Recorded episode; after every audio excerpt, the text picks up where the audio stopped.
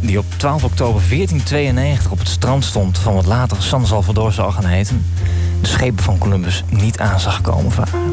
Hij zag alleen vreemde rimpelingen in het water, doordat hij zich een schip niet kon voorstellen.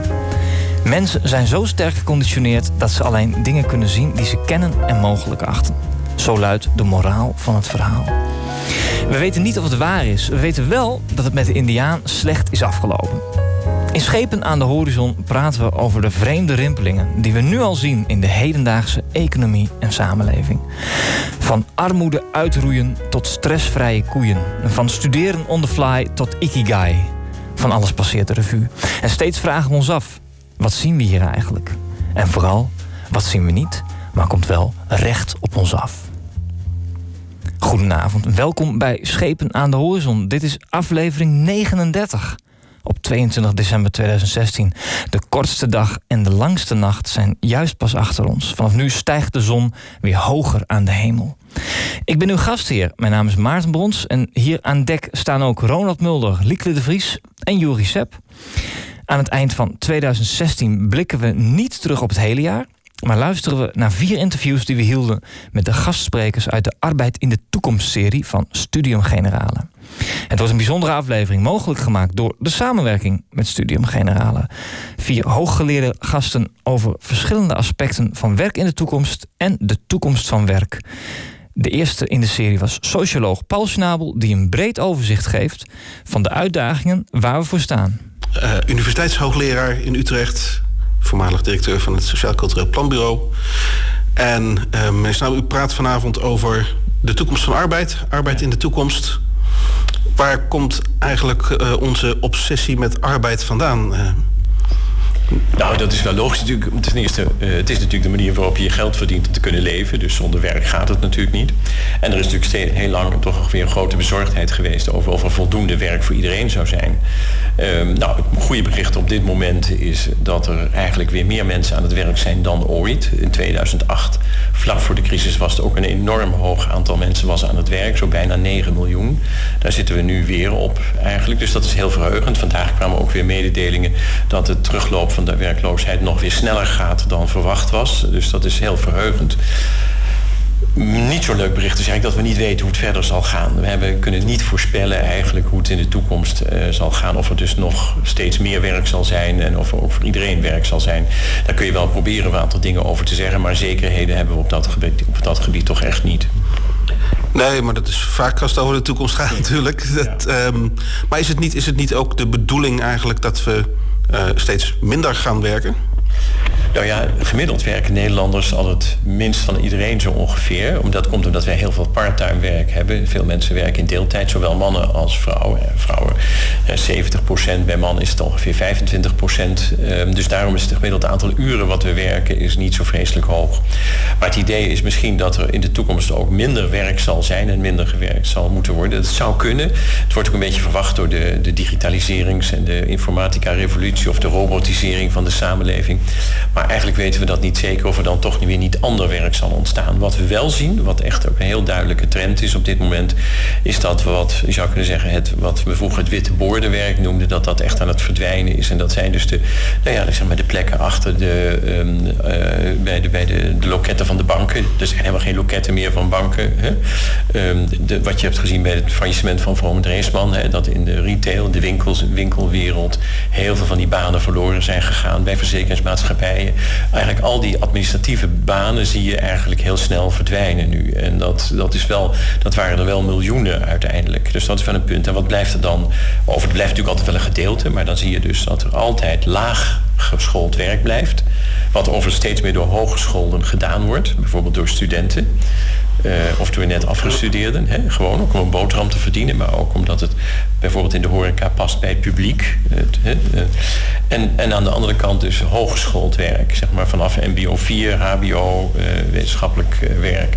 Dat is natuurlijk dat is nog steeds een groeisector. En gelukkig is natuurlijk een steeds groter deel van de bevolking is hoger opgeleid. Hè. Tussen de 25 en 35 jaar is het al zo. Tussen de 35 en 40 procent heeft een hogere opleiding. Ja, maar niet iedereen valt te, scholen. Te scholen hè. Dat, dat, nee. Ik kan me geen toekomst voorstellen waar iedereen naar de universiteit gaat. Het, dus, maar begrijp ik nog goed dat het midden een beetje verdwijnt in de werkgelegenheid? Ja, dat was dus eigenlijk de grote groep in Nederland. Hè. Dat, was, dat, waren, dat waren echt de, de grote bulk van de, de banen, in de, vooral ook in de dienstverlenende sfeer. Maar dan met name de dienstverlening commercieel of de, de niet-commerciële dienstverlening, echt in de bureaucratie, in de grote overheidsbedrijven en zo. Ja, die banen verdwijnen door de automatisering voor een groot deel. wij doen, niemand van ons gaat nog weer naar de bank om even weer, zoals vroeger, 100 gulden af te halen. Uh, dat doe je allemaal thuis. En dat gaat allemaal zonder dat daar nog verder eigenlijk menselijke handelen bij, bij een rol bij speelt. Het gaat allemaal geautomatiseerd. En dat zie je op heel veel fronten, maar je ziet het ook op, op heel veel terreinen. Dat natuurlijk het, het, het, kopen via, de, uh, via ook weer je, je, je, je laptop of je iPad of je iPhone enzovoort. En dat het thuis wordt afgeleverd. Of je naar een Kiana-punt gaat om het op te halen. Ja, dat neemt toch heel snel toe. Uh, en alle mensen die ook zeiden van ik ga het niet doen na een tijdje doet iedereen het toch. Hè? En het thuisbezorgen, dat vindt inmiddels per drone of zelfrijdende nou, auto plaats bijna. Het gaat, het gaat allemaal die kant uit, ja. Nou hebben we het eigenlijk als vanzelf begonnen over arbeid, over werk. Als vanzelf hebben we het alweer over banen. Ja. Dat is natuurlijk een hele specifieke manier van arbeid organiseren... die niet altijd in de geschiedenis zo is geweest. En dat dat hebben we nu een tijd zo gehad. En daar is heel veel, het hele, de hele sociale zekerheid, het pensioenstelsel allemaal op gebaseerd. Maar uh, is dat houdbaar naar de toekomst toe of gaat werk er anders uitzien? Nou, voor een deel ziet het werk er al anders uit. In de zin dat, dat er natuurlijk steeds meer mensen zijn die zelfstandig uh, hun werk doen. Die je dus kunt inhuren. Hè, die beschikbaar zijn voor de arbeidsmarkt. Maar niet meer in de zin van als werknemer, maar als, eigenlijk als zelfstandig gevestigde. Dat zijn er heel veel. Dat zijn er tussen 900.000 en een miljoen op dit moment in Nederland. Je komt in alle sectoren tegen. Het is niet één groep eigenlijk. Hè, dus het, uh, je komt ze overal tegen. En het voor een deel zit in de sfeer van de uitzendkracht voor een deel um, zijn het echt mensen die uh, nou als kunstenaar actief zijn of um, als consultant of zo. Op alle terreinen komen ze eigenlijk tegen. Maar je ziet het bijvoorbeeld ook in de bouw heel sterk. Dat kleine aannemers eigenlijk bijna niemand meer in dienst hebben. Maar eigenlijk als een soort coördinator optreden van heel veel ZZP'ers. De timmerman, de metselaar, de tegelzetter. Uh, dat zijn allemaal bedrijfjes geworden op zichzelf. Die ingehuurd worden door, zou ik zeggen, een coördinerende aannemer. Vroeger waren die mensen gewoon bij hem in dienst maar dat zie je dus bijna niet meer. Nee, en daardoor wordt arbeid flexibeler. Uh, kan makkelijker op de vraag inspelen. Dat heeft voordelen, maar dat ZZP'ers, een groot deel daarvan, leeft ook in financiële onzekerheid. En, um, hoe kijkt u daar tegenaan? Nou ja, dat is een van de grote zorgen, ook in de politiek natuurlijk. Niet alleen dat ze onzekerheid hebben in, in, in de financiële zin, maar dat ze vaak ook een heel laag inkomen hebben. Een heel groot deel van de ZZP'ers zit onder het sociaal minimum uh, als, als omzet. Nog niet eens eigenlijk als inkomen, maar als omzet. Nou, en dan is natuurlijk het verhaal te zeggen van, ja, u moet ook sparen voor uw oude dag. Of u moet een arbeidsongeschiktheidsverzekering afsluiten. Dat is bij dat soort inkomens gewoon niet te betalen. Dat kan helemaal niet. En dat is best een grote zorg. En het is natuurlijk ook zo dat je bent je, bent je werk. Uh, op het moment dat je niet meer kunt omdat je ziek bent... of omdat je een ongelukje hebt gehad of wat dan ook... Komt er, is er geen inkomen meer. En dan uh, zit je toch wel. Je krijgt niet, uh, laat ik zeggen, dan toch je uurvergoeding. Want je bent zelfstandig ondernemer. Dus uiteindelijk, als het helemaal misgaat... blijft voor jou alleen de bijstand over. En dat is is natuurlijk ook een hele moeilijke situatie als dat zo is. Daar is dus echt wel zorgen over dat toch echt tussen de uh, verschillende groepen ZZP'ers ook grote verschillen in inkomen en ook in inkomenskracht zitten. Er wordt uh, de laatste twee, drie jaar steeds vaker gepleit voor een uh, basisinkomen, of waarlijk basisinkomen, om, een, om een bodem te leggen in de arbeidsbeloning van de toekomst. Hoe, hoe, kijkt u daar tegenaan? Het grappige is dat wij natuurlijk wel een vorm van basisinkomen hebben. Dat heet de AOW in Nederland. Ja. Dat is eigenlijk de eerste echte vorm van een basisinkomen voor iedereen boven, inmiddels ruim boven de 65. Die krijgt, ze krijgen uiteindelijk allemaal hetzelfde. Hè? Dat is het idee erachter. Um, dat moet dus betaald worden door de Nederlanders die nu werken. Want zo gaat het. Hè? Want elke maand betalen de Nederlanders die werken de AOW voor degenen die dat niet meer doen. Ja, dat is het komend jaar zal dat 35 miljard zijn. En dan gaat het over ruim 3 miljoen mensen. Dan kun je al zien dat met een basisinkomen wat iets voorstelt, waar je dus ook van moet kunnen leven, dat daar ongelooflijk veel geld mee gemoeid is. En de vraag is dus, waar moet dat geld dan vandaan komen? Want het idee is, ja, iedereen gaat dan wel weer werken. Maar als dat het geval is, zie je natuurlijk dat heel veel mensen voor wie het werk niet zo leuk is of niet zo aantrekkelijk is, zullen zeggen, nou doe mij maar basisinkomen, daar kan ik aardig van leven. Dus is het verhaal, het basisinkomen moet eigenlijk niet zo hoog zijn dat je niet meer wilt werken.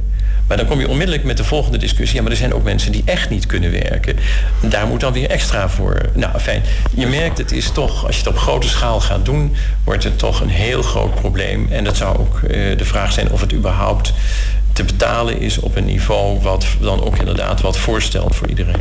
Maar de discussie is inderdaad weer heel levend. Ja, maar inderdaad, elk bedrag dat je noemt is tegelijkertijd te hoog en te laag. Absoluut. um, nog even terug naar uh, de, de Amerikaanse presidentsverkiezingen. Het gesprek van, deze, van, van dit weekend, van de afgelopen week. Um, de meningen verschillen een beetje waar, over de redenen waarom Trump heeft gewonnen. Maar er is toch ook een groep die zegt van dat heeft belangrijke financiële, economische oorzaken. Mensen die op hem hebben gestemd, die zijn daar de afgelopen jaren, decennia misschien niet op vooruit gegaan en die geloven niet meer in het systeem. Mm Is, dreigt zoiets ook in Nederland of zitten we hier in een heel andere situatie? Nou, je kunt zeggen eigenlijk in heel West-Europa is natuurlijk door de, de ontwikkeling van de verzorgingsstaat is die situatie toch echt heel erg anders. De, de, het verschil in de inkomens tussen hoog en laag in de Verenigde Staten is vele malen groter dan in een land als Nederland of in Scandinavische landen. het verschil is in Engeland al te zien, daar is het ook heel groot. tussen degene die aan de bovenkant zitten en degene die aan de onderkant zitten.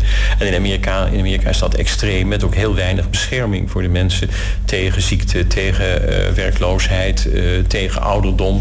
En daarom zie je ook heel veel Amerikanen nog werken als ze heel oud zijn. Uh, en dat is echt niet omdat het zo leuk is om te werken. Dat is in Nederland meestal wel zo. Hè? 15% ongeveer van de mensen boven de 65, tussen de 65 en de 70 is aan het werk. En de meesten doen dat niet omdat er het geld nodig is, maar omdat ze het werk leuk vinden. Of omdat ze de sociale contacten niet willen missen. Of omdat er geen opvolger is, zoals bij boeren heel veel hebt. Um, dat soort dingen. Hè, dat speelt in Amerika allemaal veel minder. Het is gewoon een absolute noodzaak.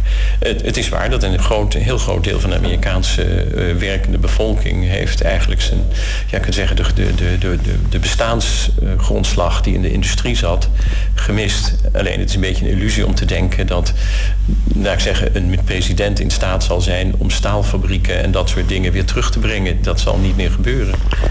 Nee, maar we doen er dus wel verstandig aan om de verzorgingsstaat in Europa, in Nederland een beetje overeind te houden als het kan. Ja, er is natuurlijk al heel veel aan afgedaan. Omdat er natuurlijk veel meer heel erg bezuinigd is op die uitkeringen. Uitkeringen zijn, komen, zijn lager geworden. Ze zijn moeilijker te krijgen. Ze zijn korter van duur. Al dat soort dingen onder de 65 hebben we inmiddels al gezien. Maar ik denk de, de draagvlak voor de verzorgingsstaat is in Europa heel erg groot. Eigenlijk in alle verschillende landen van Europa. En het blijkt toch ook dat het een behoorlijk grote rust en stabiliteit uiteindelijk in de samenleving uh, met zich meebrengt. En dat zelfs als je er maar een beetje aan tornt, wat rond de pensioenen aan de gang is, dan zie je al wat voor reacties dat ook in Nederland tot gevolg heeft. Hè. Dat er dan onmiddellijk nieuwe partijen ontstaan die zich dat als doel stellen om de pensioenen weer te, te, te herstellen. Terwijl er nog nauwelijks iets aan gebeurd is in de negatieve zin. Nee, ik denk dat je moet zeggen, uh, de, de verzorgingsstaat is meer nodig dan ooit. Alleen het zal niet de genereuze verzorgingsstaat zijn zoals die rond 1970, 1980 bestond. Die is niet vol te houden. Dat kunnen we gewoon niet meer betalen.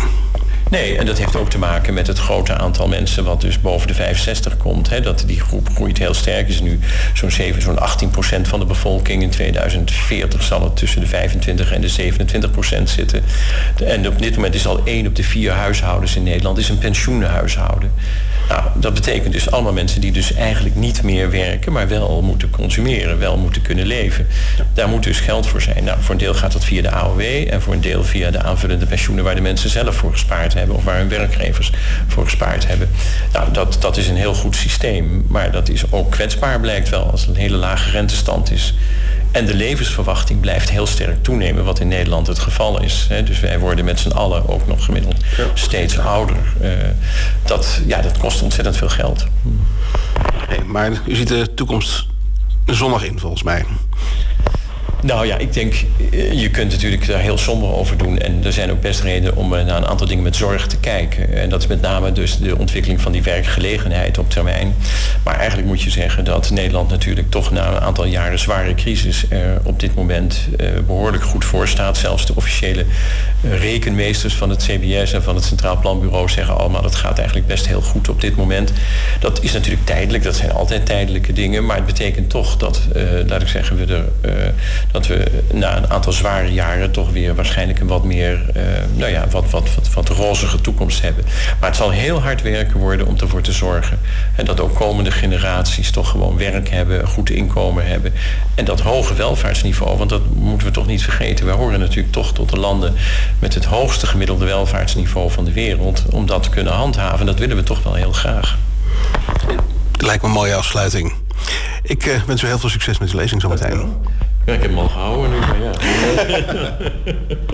Ronald Mulder sprak met Paul Schnabel. En Ronald zit natuurlijk hier nu naast mij. Ronald, vertel, wat, wat viel jou bijvoorbeeld op bij dit conclaaf? Ja, dat het toch wel allemaal heel erg binnen de, binnen de bestaande kaders blijft van denken over werk, hè, zoals we dat gewend zijn. Zonder werk gaat het natuurlijk niet, zegt hij aan het begin. En, en het grootste probleem is uh, iedereen weer aan het werk krijgen. Uh, laatst zegt hij zelfs: het zal heel hard werken worden om iedereen aan het werk te krijgen. En ja. dat, dan denk ja, dat is. Uh, werk is toch niet een, eh, een eh, doel op zich. Hè? Het is een middel. Dat, uh, en als hij het over basisinkomen heeft, zegt hij um, iets van ja, dat uh, um, mensen die dan vervelend werk hebben, die zouden er dan misschien mee stoppen. Dan denk ik, ja, dat is, dat is toch wel zoiets van. Um, hoe krijgen we het katoen van het land als iemand voorstelt de slavernij af te schaffen? Dat, dus een, een, heel mooi breed overzicht, maar ja, het bleef voor mij toch wel erg binnen de gebaande paden en ik kreeg hem er ook niet goed uit. Dat uh, moet ik mezelf aanrekenen. Maar, nou ja, het kan ook zijn dat hij er te, te vast in zit. Um, Juri Sap sprak met René ten Bos, hoogleraar filosofie van de managementwetenschappen aan de Radboud Universiteit in Nijmegen. Uh, jij gaat straks een uh, lezing houden over de toekomst van arbeid. Ja. welke hedendaagse ontwikkelingen zijn volgens jou het meest ingrijpend als het gaat om onze relatie tot arbeid? Daar zijn er een hele hoop. Heb je even.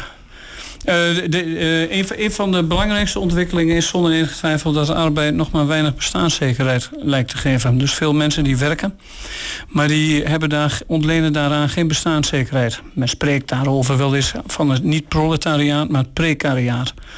Dus steeds meer mensen moeten heel lang werken om toch nog een beetje in een bestaansminimum te voorzien. Dat zie je vooral ook wereldwijd. Die cijfers zijn schrikbarend. Dus want ik ben nog opgevoed met de gedachte... als je later een baan vindt, dan heb je ook brood op de plank. Dat is niet meer helemaal vanzelfsprekend. Uh, in sommige landen, Amerika bijvoorbeeld, moeten mensen vaak twee, drie banen erbij doen. Dat is ook niet helemaal vreemd. Ik kom zelf uit een arm gezin waar dat ook wel noodzakelijk was. Maar uh, dat, dat, dat, die, die, die veiligheid die arbeid geeft, of lijkt te garanderen, die is niet 100% zeker. Um, dat is een belangrijke ontwikkeling. Ik verwacht natuurlijk ook uh, dat wel het een en ander van uh, ICT en robotisering en dat soort zaken. Maar die zullen niet bijleiden tot een veiliger arbeidsklimaat. Of, ik denk zelfs in tegendeel. Dus er zal een bepaalde elite erg van profiteren, maar de meeste mensen niet. Als ik bijvoorbeeld mensen uit de bankeren wereld spreek, dan uh, hoor je al heel sterk, ja, jullie leiden nog bij jouw universiteit allemaal bedrijfskundigen en financiële accountants op.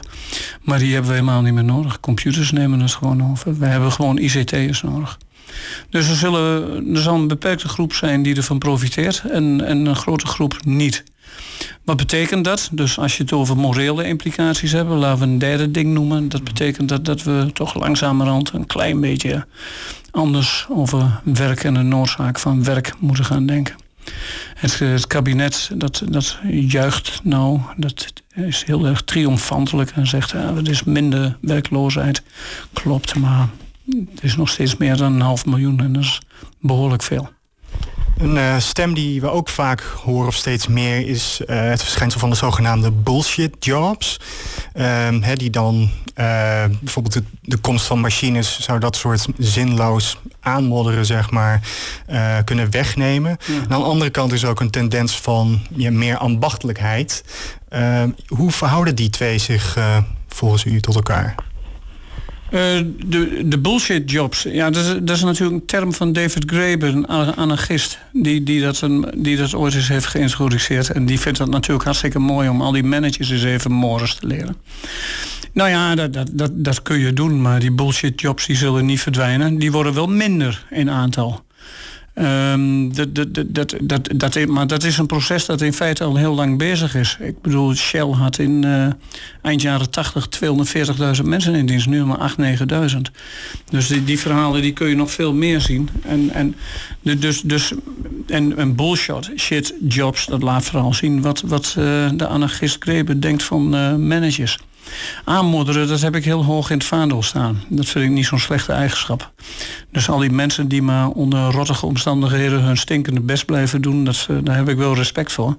Maar meer dan aanmodderen is het ook niet. Dus of je er nou heel blij van moet worden, dat, dat, dat weet ik niet. Veel jobs zijn vrij zinloos. Dat, dat, is een, uh, dat is niet leuk. Dat, dat, dat is ook iets wat, uh, waar mensen niet zo goed tegen kunnen.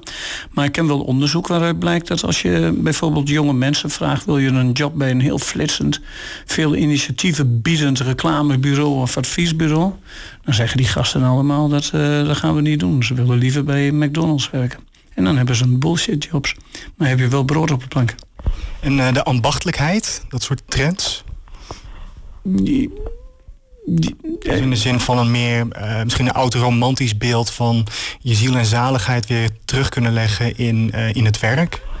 Ik denk dat er in, in, in zeer sterke mate een, een grote aan, aanval op uh, ambacht geweest is. Nou hoor je tegenwoordig heel veel geluiden die zeggen van, nou dat mag eigenlijk helemaal niet. Die aan, je moet mensen in hun ambacht herstellen. Bijvoorbeeld onderwijzers moeten hun echte werk weer kunnen doen. En en nou ja, oké, dat is hartstikke interessant.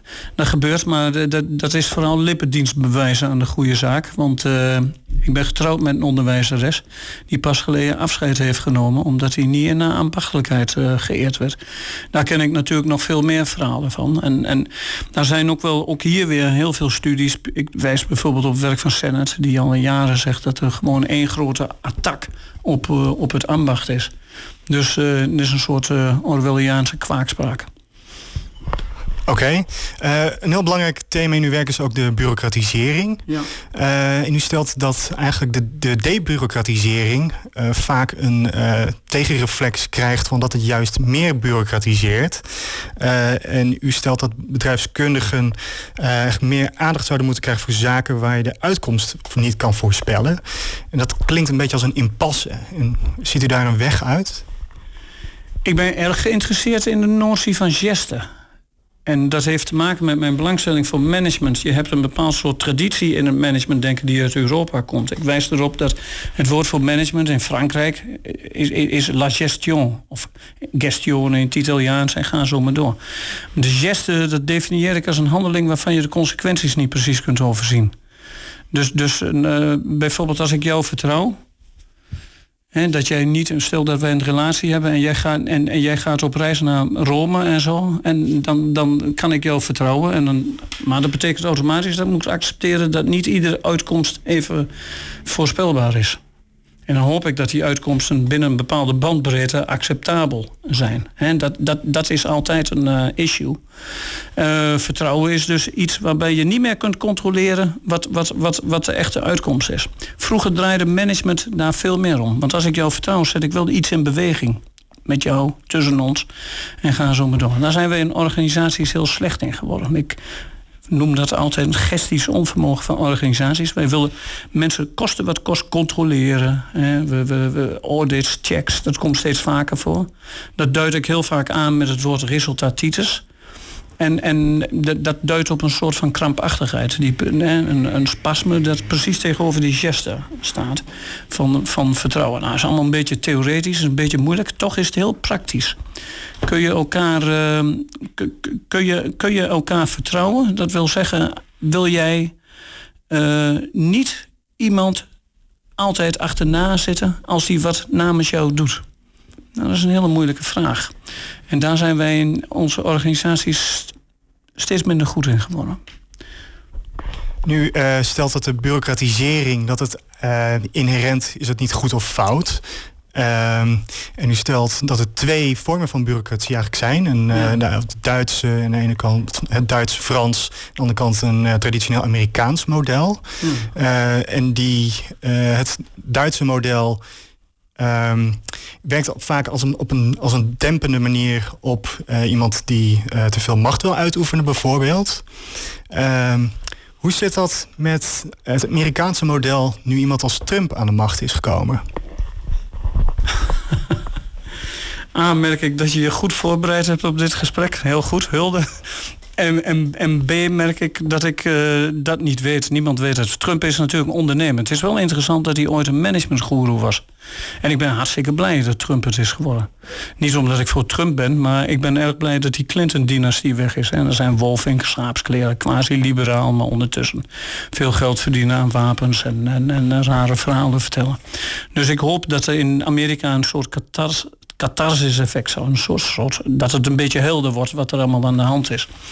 Uh, nu, um, ik, ik weet niet wat Trump gaat doen. Trump is zelf iemand die uh, nooit op management heeft uh, geflast.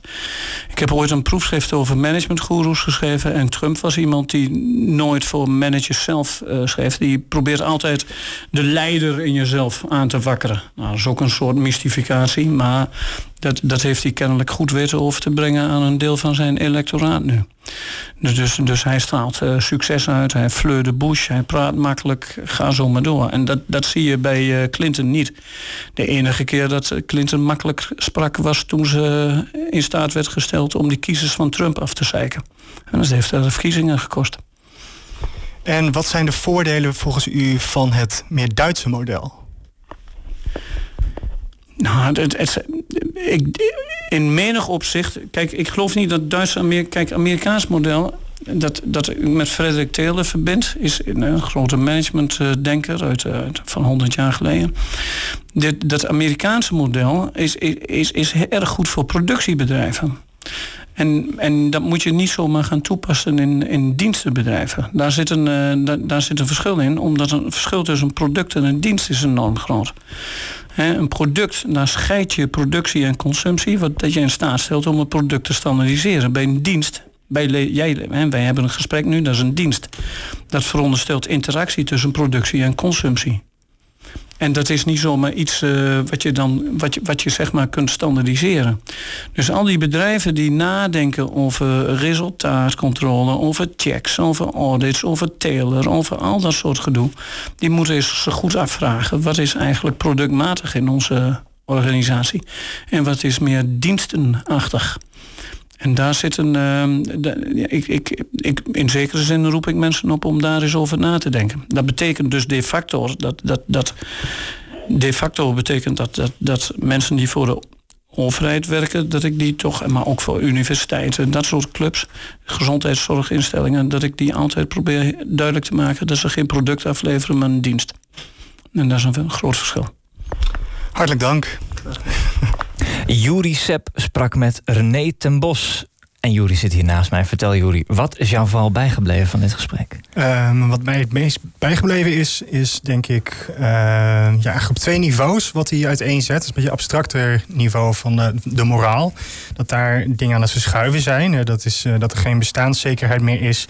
En dat we eigenlijk onszelf op een nieuwe manier moeten gaan verhouden ten opzichte van arbeid. En daar ging ook zijn hele lezing over, die je uh, trouwens gewoon terug kunt zien op de website van Studium Generale. De dus link volgt in de post. En ja. uh, het andere niveau is meer die intermenselijke uh, benadering. De, de geste noemt hij dat.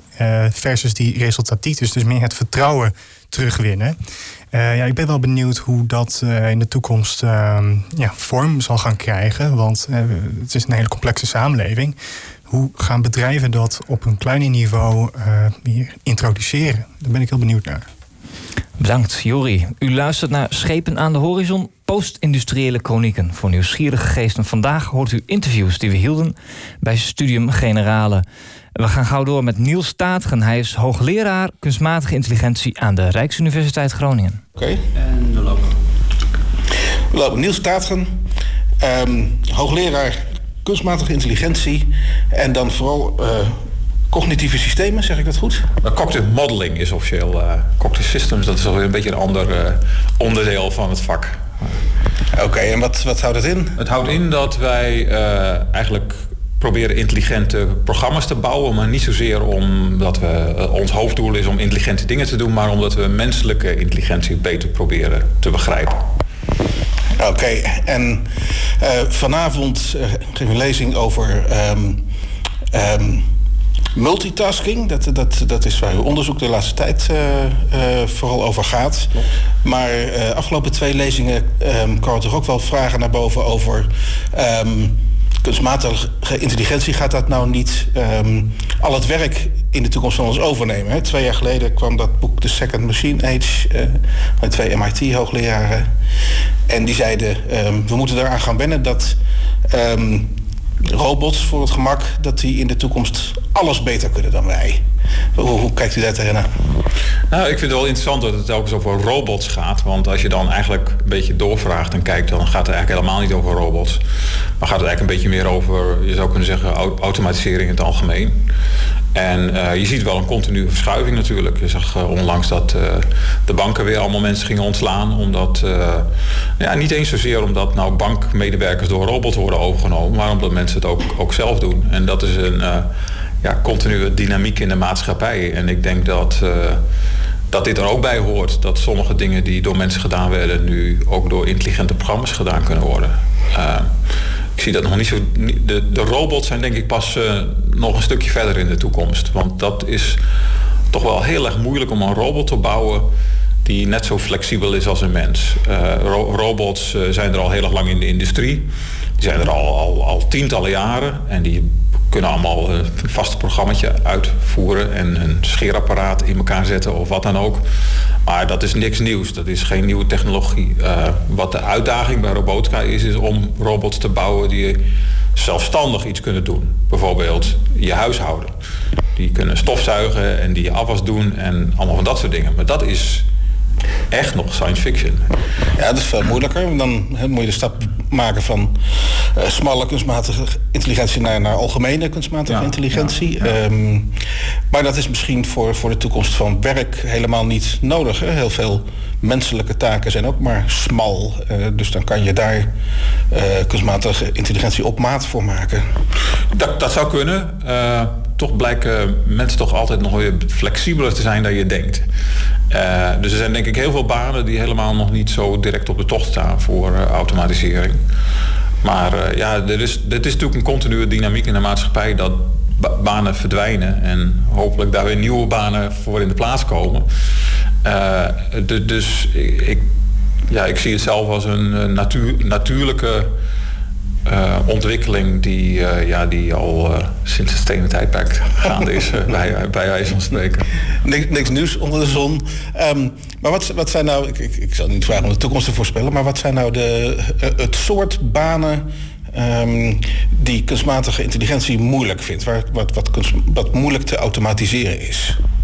Nou, eigenlijk altijd als je als, als een met flexibiliteit bij komt kijken. Dat je moet inspelen op nieuwe omstandigheden die toch uh, niet voorzien zijn. Dus als je altijd hetzelfde moet doen of zelfs soort beslissingen nemen, nou ja, dat, dat, dat is te automatiseren. Maar eigenlijk allerlei beroepen waarin je eigenlijk spontaan keuzes moet maken en beslissingen nemen, dat is nog wel heel moeilijk voor kunstmatige intelligentie. Uh, als je kijkt naar wat, waar kunstmatige intelligentie goed in is, dan zijn het dingen die je heel duidelijk kunt afbaken. Dat je zegt van nou, we maken nu een programma dat kan Go spelen. En dat is, nou, onlangs is de wereldkampioen Go verslagen door een computerprogramma. Uh, en uh, zo, of bijvoorbeeld zeggen van nou, uh, als ik een beslissing moet nemen of iemand een banklening krijgt of zo. Dan kun je ook zeggen van nou, probeer dat af te bakenen. Maar zelfs daar heb je al een beetje die zegt van ja, maar kun je dat wel goed afbakenen? Want er zijn zoveel mogelijke omstandigheden die, die een rol spelen bij of je iemand een banklening geeft of niet. En het kan zijn dat je dat er opeens iets in is waarvan je van tevoren zegt van oh, daar had ik nog niet over gedacht. En, en dat zijn weer situaties waar eh, de huidige programma's niet goed mee om kunnen gaan. De huidige programma's, dat is een belangrijk voorbehoud. Daar wordt, daar wordt wel aan gewerkt om dat mogelijk te maken? Natuurlijk, natuurlijk. Uh, je, er wordt al steeds meer over nagedacht. Uh, en, maar het is nog wel een, een grote stap om te zeggen, we gaan uh, programma's maken die niet alleen meer alleen het afgebakende stukje kunnen, maar die ook al breder kunnen denken, die ook algemener. Uh, en wij denken er wel over na, maar het is nog, dat is niet iets waarvan je zegt van, oh, daar is nu al een revolutie gaande. En daar, daar komt uw vakgebied natuurlijk om de hoek kijken, want begrijpen we eigenlijk wel goed hoe mensen dat doen? Nee, helemaal niet. Dus dat is, uh, of helemaal niet. dat, dat, we zijn er natuurlijk wel heel erg naar op zoek. En we, zijn, we, kunnen steeds meer dingen ontrafelen van hoe mensen problemen oplossen. Hoe uh, ja, menselijke informatieverwerking werkt. Uh, en dat is natuurlijk waar we ook heel druk mee bezig zijn. Mhm. Maar echt dat, dat, beetje, dat geniale wat mensen hebben, dat creatieve, uh, dat oorspronkelijke. Omgaan met het onbekende. Dat, dat is toch nog iets waar we niet echt een vinger achter kunnen krijgen. Okay. En, Okay. Um, over naar, eh, naar multitasking, wat is het onderwerp van vanavond. Ja. Uh, waar, waarom is het zo relevant voor, de, voor het werk van de toekomst dat we kunnen multitasken? Nou, ik zou bijna zeggen, het is al bijna het is relevant voor het werk van nu. Uh, je ziet dat het enorm veranderd is in de nou ja, laatste tientallen jaren. Dat mensen steeds meer bezig zijn met heel veel dingen tegelijk op hun werk. En dat uh, iedereen zal wel de situatie herkennen waarin je s'avonds thuis komt en zegt van nou, ik ben de hele dag bezig geweest, maar volgens mij heb ik niks gedaan. en dat komt omdat we zoveel verschillende dingen hebben die tel, telkens om onze aandacht vragen, dat we ook uh, vaak heel, heel veel van die dingen niet gedaan krijgen. Of in ieder geval de dingen die we belangrijk vinden. Er zijn altijd heel veel kleine dingetjes die, uh, die continu om aandacht vragen en die je dan misschien wel snel kunt afhandelen. Maar als daardoor uh, datgene waar je eigenlijk voor aan het werk bent blijft liggen, ja, dan heb je dat gevoel van. Ik, ik heb, en dat komt eigenlijk van, je kunt zeggen van, dat komt omdat mensen niet goed kunnen multitasken. Mm -hmm. En dat is wat je eigenlijk meestal leest, als je de krant leest, dat mensen kunnen niet multitasken. Maar uh, we hebben ja, dat eigenlijk wat dieper ingegraven. En uh, toch ook wel veel experimenten gedaan waarin we toch zien dat mensen eigenlijk heel goed kunnen multitasken, alleen in bepaalde omstandigheden niet. En dat het werkelijke probleem van multitasken niet zozeer het multitasken zelf is, maar uh, de juiste keuzes maken in multitasken. Wat ga je nu doen in plaats van uh, wat voor keuzes maak je daarin? En daar zijn mensen toch eigenlijk vrij slecht in. Uh, maar multitasken zelf, dat is niet, niet het grote probleem. Dus als je het maar goed doet, dan kunnen mensen wel multitasken.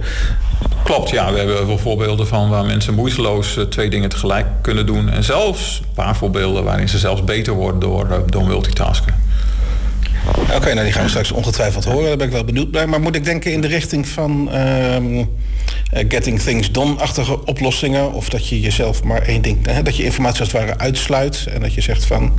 Ik doe nu wat ik meteen af kan krijgen. En de rest bewaar ik expres. Dat je nou, jezelf kijk, dwingt je te concentreren. Ja, je, kijk, de kunst van het multitasken... Goed multitasken wil niet zeggen dat je goed dingen tegelijk kunt doen. Dat betekent dat je goed kunt focussen. Dat je kunt zeggen van nou, ik ga nu dit doen. Want dit is belangrijk. En die andere dingen moeten maar even wachten. En, uh, en, en, en dat blijkt vaak moeilijk te zijn. Daarom zeg ik ook, het probleem zit hem in de keuzes maken. Dat mensen zich laten onderbreken door dingen... en daardoor de draad kwijtraken van datgene wat ze aan het doen zijn. Of over het belangrijke wat ze aan het doen zijn. Dus als je... Nou, wat wij als wetenschappers vaak moeten doen is artikelen schrijven. Nou, dat is zware geestelijke arbeid. Uh, en dan denk je, als je aan het schrijven bent, denk je vaak, oh, even, even e-mail checken, hè? even kijken. En, uh-huh. nou ja, en dan, dan zit er een aantal triviale e-mails en dan beantwoord je ze misschien, of juist of ook niet. Dat je denkt van, nou, ik heb ook geen zin om ze te beantwoorden. Dat is ook iets wat je dan alweer uitstelt. En dan ga je terug naar het artikel schrijven en dan ben je je context kwijt. Dan denk je, oké, okay, wat was ik ook mooi aan het doen? Omdat het eigenlijk, ja, alles wat je klaar had staan in je geheugen, dat is opeens een beetje weggezakt. Dan moet je dat weer op gaan dissen van wat was het ook weer, wat is ik nou weer doen. Dus dan ben je gewoon tijd kwijt om er weer in te komen. En als zich dan weer de volgende uh, interruptie aandient, dan, ja, dan gaat het gewoon maar door. En dan kom je dus eigenlijk niet verder met dat belangrijke ding, namelijk dat artikel schrijven. En dan heb je misschien wel e-mails beantwoord en met collega's gepraat. Maar dat was misschien niet het belangrijkste wat je die dag wou doen. Oké, dus dat, dat zijn allemaal dingen die heel bekend klinken, die mensen misschien ook wel intuïtief uh, weten, maar die worden nu ook wetenschappelijk bewezen en we weten nou ook waarom dat dan zo werkt. Ja, we hebben daar dus een, uh, ook, ook een theorie over van wanneer ben je nou het gevoeligst voor, voor dat soort afleidingen. En wat voor soort afleidingen ben je in wat voor situaties gevoelig voor.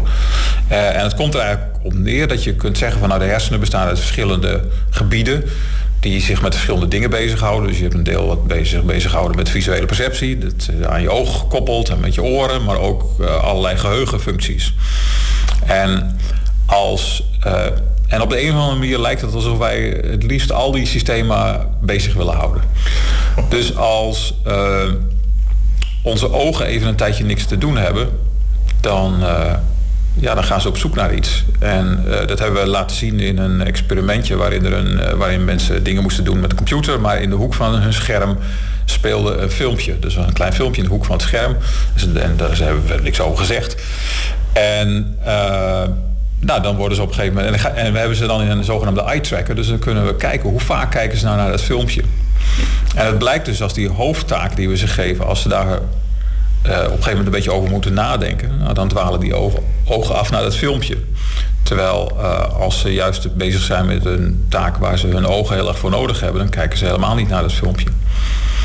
En uh, dat geldt dus voor wat we dan visuele afleiding noemen. Dus, maar dat geldt dus ook voor mentale afleiding. Dat je als je een aantal dingen moet onthouden en je, je bent geconcentreerd bezig, dan hebben afleidingen minder kans om ertussen te komen dan wanneer je bijvoorbeeld even vast zit. Dus als je aan het schrijven bent en je zit even vast en je denkt van nou, uh, ik weet niet hoe je deze zin goed moet opschrijven. Nou, dan zit je even vast en dan staat alles even stil en dan glipt die afleiding erin. Oké, als, als, als, als laatste vraag, wat zijn nou de, de belangrijkste praktische implicaties van, van, dit, uh, van dit soort onderzoek? Nou, praktische applicaties dat we kunnen, kunnen gaan kijken naar hoe kunnen we mensen nou helpen daarmee. En uh, dan kun je natuurlijk denken aan van nou we gaan ze een soort van training geven, dus pep talk van nou uh, concentreer je meer. Ehm, nou dat zal iedereen graag aannemen, maar doen ze dat ook echt? Denk het niet. Nee. Dus wij denken veel meer in termen van kunnen we misschien de omgeving aanpassen, zodat al die dingen die je kunnen afleiden uh, niet meer aanwezig zijn. Nou, daar kun je zelf wel een hoop aan doen door allerlei van die notification dingen die overal op zitten tegenwoordig uit te zetten. Of ervoor te zorgen dat ze je alleen maar dingen laten zien die belangrijk zijn. In plaats van dat je je versie van Microsoft Word moet updaten of uh, dat soort onzin. dus, dus, dus dat is al iets wat al helpt. wij denken ook aan uh, systemen die mensen helpen om hun interrupties te plannen. Dus dat je zegt van nou, oké, mensen willen nou eenmaal naar hun e-mail kijken van tijd tot tijd. Maar we kunnen dat ook voor ze doen. Dus dat we proberen uit te vinden van nou wat zijn nou rustige momenten. En dat, ze, dat we ze dan naar hun e-mail sturen en niet uh, op het moment dat de nieuwste e-mail binnenkomt. Want e-mail kan best even wachten, soms. Meestal wel. Dus het, het, werk kan nog een stuk beter ontworpen worden. Ik denk het wel, ja. ja. En dat is, uh, ja, dat is waar we dan naar kijken als praktische praktische kant van dit onderzoek. Oké, dank u wel. Graag gedaan. Ronald interviewde Niels Staatgen bij Studium Generale. Zijn lezing over multitasking staat online, is terug te vinden en de link staat in onze blogpost. Ronald zit weer naast mij. Kun je een element analyseren uit dit gesprek? Ja, dus uh, mooi hoe, hoe uh, optimistisch zij is hè, over dat heel veel menselijke banen helemaal niet zo makkelijk te automatiseren zijn. Omdat wij veel beter zijn, wij mensen, in, in het uh, omgaan met het onvoorziene. Improviseren, um, creatief. Improviseren. En um, dat kan je, als we, we weten zelfs niet hoe we dat doen. Dus dat kunnen we ook niet in robots stoppen. En misschien komt dat wel doordat we ons laten afleiden. En doordat we niet helemaal efficiënt zijn. He, dus dat multitasken, dat moeten we misschien wel helemaal niet beter onder de knie krijgen. Anders dan worden we zelf robots. Dat, dat is wat ik eraan over heb gehouden. Ruimte laten voor het onverwachte. Mooi, het woe wij. Um, de laatste in de serie van uh, de toekomst van werk was Rutger Rutger Bregman, van huis uit historicus. We kennen hem de laatste tijd vooral van zijn smaakmakende, spraakmakende en prikkelende stukken in De Correspondent. Rutger, je hebt een tijdje geleden in een artikel op De Correspondent geschreven over dat de Homo economicus niet bestaat. Mhm. Maar um, hij heeft wel heel veel invloed gehad op hoe we de wereld hebben ingericht. Wat was die Homo economicus en tot welke misverstanden heeft het geleid? Ja, Homo economicus is eigenlijk een mensbeeld. Dus het idee dat de mens een soort van een machine is, een robot met inputs en outputs. En dat we rationeel calculerende wezens zouden zijn die eigenlijk maar één ding willen, namelijk uh, genot of bevrediging. Of uh, in het, in het economiejargon zeg je dan utility, uh, utils. en dat is dat wat we doen, wat we verzamelen. En ehm, daar horen natuurlijk allerlei andere ideeën bij van over dat er een onzichtbare hand zou zijn en een vrije markt. Als mensen dan gewoon maar rationeel blijven met elkaar gaan handelen, dan wordt uiteindelijk iedereen gelukkig. Ehm, maar daar aan, grondvest is dan een, een, mensbeeld van dat we vooral worden geregeerd door ja, wat je de wortel in de stok zou kunnen noemen. Dus we doen iets omdat het moet, of omdat het iets leuks aan het eind van de rit oplevert. En dan met name genot. En op welke manier zien we dat terug in hoe de samenleving nu werkt? Ik denk eigenlijk op zo ongeveer alle niveaus. Ehm, dus of je nou dan kijkt naar onze overheid of bedrijfsleven. Um, pak met 90% van onze wetten wordt nog steeds geschreven vanuit de overtuiging dat de mens ten diepste een soort van wezen is. Dat bevredigd moet worden, geprikkeld moet worden met, met wortels of gewoon gedwongen moet worden om ergens te komen. En wat we elke keer voor ontachtzamen is dat mensen ook intrinsieke drijfveren hebben. Dus dat noemen we intrinsieke motivatie. En dat contrast wordt ook vaak geschetst door psychologen. Dus dat je enerzijds extrinsieke motivatie hebt, die wortel en die stok, waar dat mensbeeld van de homo economicus vooral van uitgaat. Maar je hebt ook zoiets als intrinsieke motivatie. Ik doe iets omdat ik het gewoon interessant vind, leuk, de moeite waard, omdat het me zingeving oplevert. Um, en het belangrijkste is misschien wel dat die twee redenen, intrinsiek en extrinsiek, niet altijd bij elkaar optellen. Soms concurreren ze ook met elkaar. Dus dan drukt de extrinsieke motivatie, drukt de intrinsieke motivatie weg. En vice versa. Wat is, wat is een mooi voorbeeld van waarin dat gebeurt? Nou, een klassieke studie is heel bekend. is eind jaren 90. Dat is een kinderdagopvangverblijf uh, in uh, Israël. En wat daar gebeurde is dat ze dachten van... het begint echt vervelend te worden. Die ouders die halen de hele tijd hun kiddo's te laten op. Nogal irritant natuurlijk. Dus ze bedenken, weet je wat, we stellen gewoon een boete in. Uh, 3, 4 dollar per keer dat het gebeurt. En vervolgens wachten ze even af en zien ze ineens dat nog meer ouders hun kinderen te laat komen ophalen. En nog meer en nog meer en nog meer. Dus er is heel raars in de hand. En dat werd wel echt een klassieke studie, omdat men later begreep van... eerst hadden die ouders een intrinsieke motivatie om hun kinderen op tijd op te halen. Ze vonden het gewoon lullig voor nou ja, het personeel dat daar werkte, om dat niet te doen. En toen kregen ze ineens een boete en toen gingen ze het ineens heel anders zien. Toen dachten ze, hé, hey, een boete, dat is eigenlijk gewoon een prijs. En 3, 4 dollar, dat is helemaal niet zo duur. Weet je wat? Ik blijf gewoon nog langer weg. En zo zie je eigenlijk dat die redenen met elkaar kunnen concurreren. En dat het dus ook risicovol is om je samenleving helemaal in te richten op die extrinsieke prikkels. Omdat dan die intrinsieke motivatie wordt afgestompt. Begrijpen we ondertussen beter hoe intrinsieke motivatie in elkaar zit, hoe dat werkt? Ja, volgens mij is het geen, uh, geen rocket science. Het is, eh, sterker nog, heel veel mensen weten het van zichzelf al wel. Dus ik heb zelf heel veel geschreven over iets als het basisinkomen. En wat je dan ziet, als je mensen vraagt van wat zou je ermee doen als je het krijgt... Uh, dan zeggen de meeste mensen, nou ja, weet je, ik heb dromen, ik heb ambities. Uh, ik heb wel een idee hoor, ik ga wel wat doen, ik ga niet luieren op de bank. Maar we zijn vaak heel negatief over anderen. Dus als je vraagt wat gaan anderen ermee doen, dan zegt pak een beetje 99% zegt ja, die gaan luieren, die gaan weet ik veel drugs gebruiken, PlayStation kopen. Um, dus we hebben een hele sterke bias om aan te nemen dat voor, vooral anderen extrinsiek gemotiveerd zijn. Terwijl we dit, dat intrinsieke natuurlijk stiekem wel herkennen in onszelf. Dus wat ik vaak probeer in mijn stukken is te laten zien van... hé, hey, je, je bent niet alleen. De meeste mensen zijn best sympathiek en creatief. En op wat voor manier zou je dan in, in dit tijdsgevricht...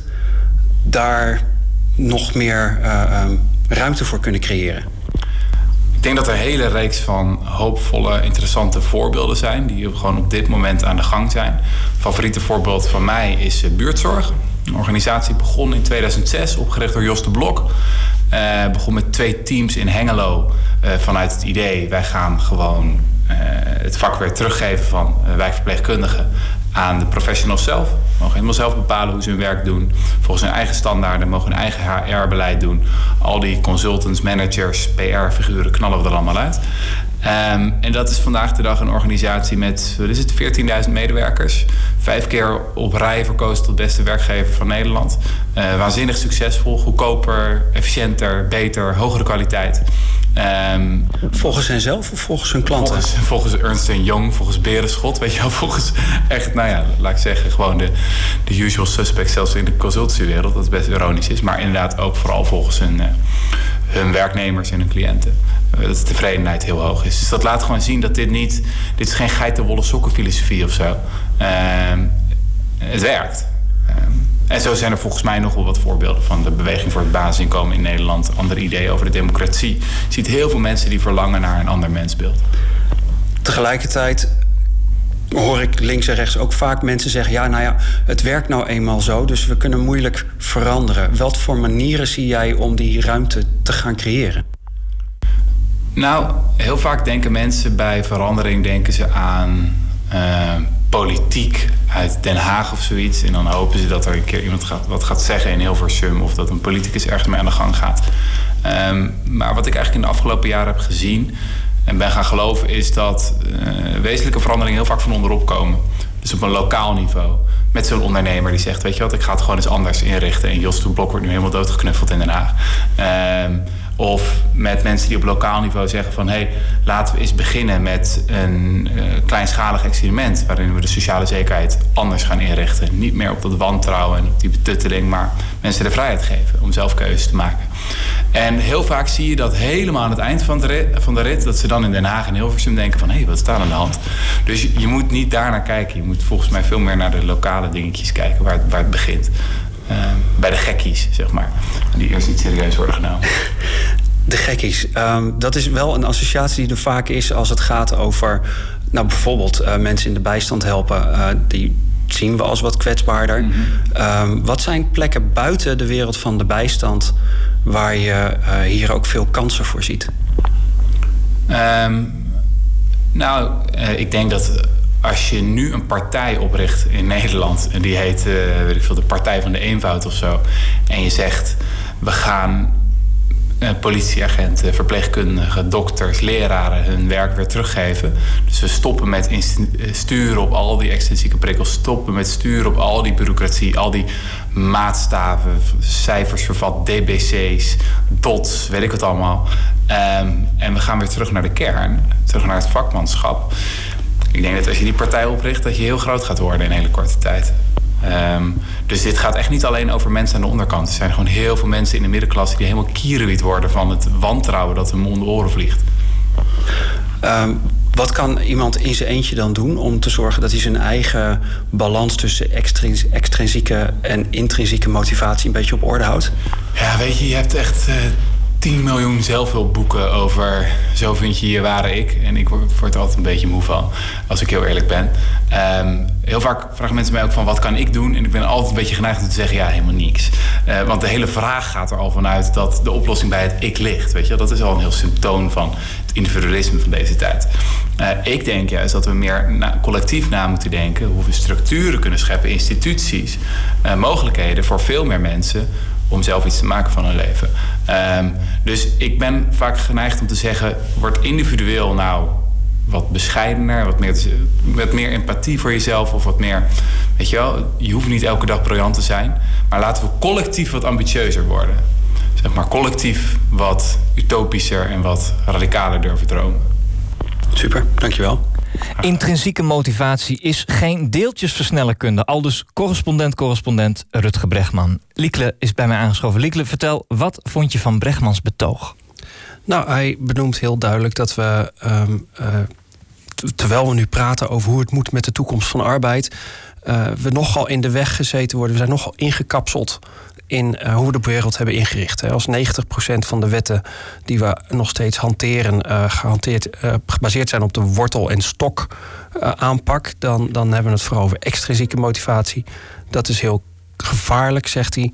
Um, dus het is heel. We hebben onszelf een beetje in de hoek gemanoeuvreerd. We hebben ons misschien ook wel laten hypnotiseren door de Paul Snabels van deze wereld, die heel erg vanuit dat traditionele model blijven denken en ons aanpraten dat uh, wij er niks aan kunnen doen. En wat Brechtman zegt is, nou, hou nou op met kijken naar Den Haag. Ga zelf aan de slag. Kijk om je heen, want je gaat in jouw wijk... Om, ga je mensen tegenkomen die al dingen aan het doen zijn. Haak gewoon aan. Ik, ja, dat, mij spreekt het aan. Um, ik snap ook wel dat mensen dat heel eng vinden... want zo zijn we niet opgevoed. um, en daar zit de kracht. Uh, wat dat dan voor de arbeidstoekomst betekent... ja, dat, uh, dat weet ik niet. Maar als we het nou hebben over um, jezelf ontplooien en van waarde zijn voor jezelf in de wereld, dan zie ik een mooie toekomst. Samen met Studium Generale hielden we interviews met de gastsprekers in de Werk in de Toekomst-serie. Koren op onze molen. Dit is Schepen aan de Horizon, post-industriële chronieken voor nieuwsgierige geesten. Het slot van de 39e aflevering aan het einde van december 2016. Reuze bedankt aan onze partners, Oogradio, Voice Telecom, Warpnet en Studium Generale. In 2017 varen we weer uit naar onbekende wateren. Natuurlijk staat ook alles online op sadh.nl en gratis in de iTunes Store bij de podcasts. Schepen aan de horizon wordt gemaakt door Ronald Mulder, Liekle de Vries, Juri Sepp, Marloes Dekker. Mijn naam is Maarten Bons, techniek Ruurtjan de Mulder. Voor nu bedankt en tot de volgende keer.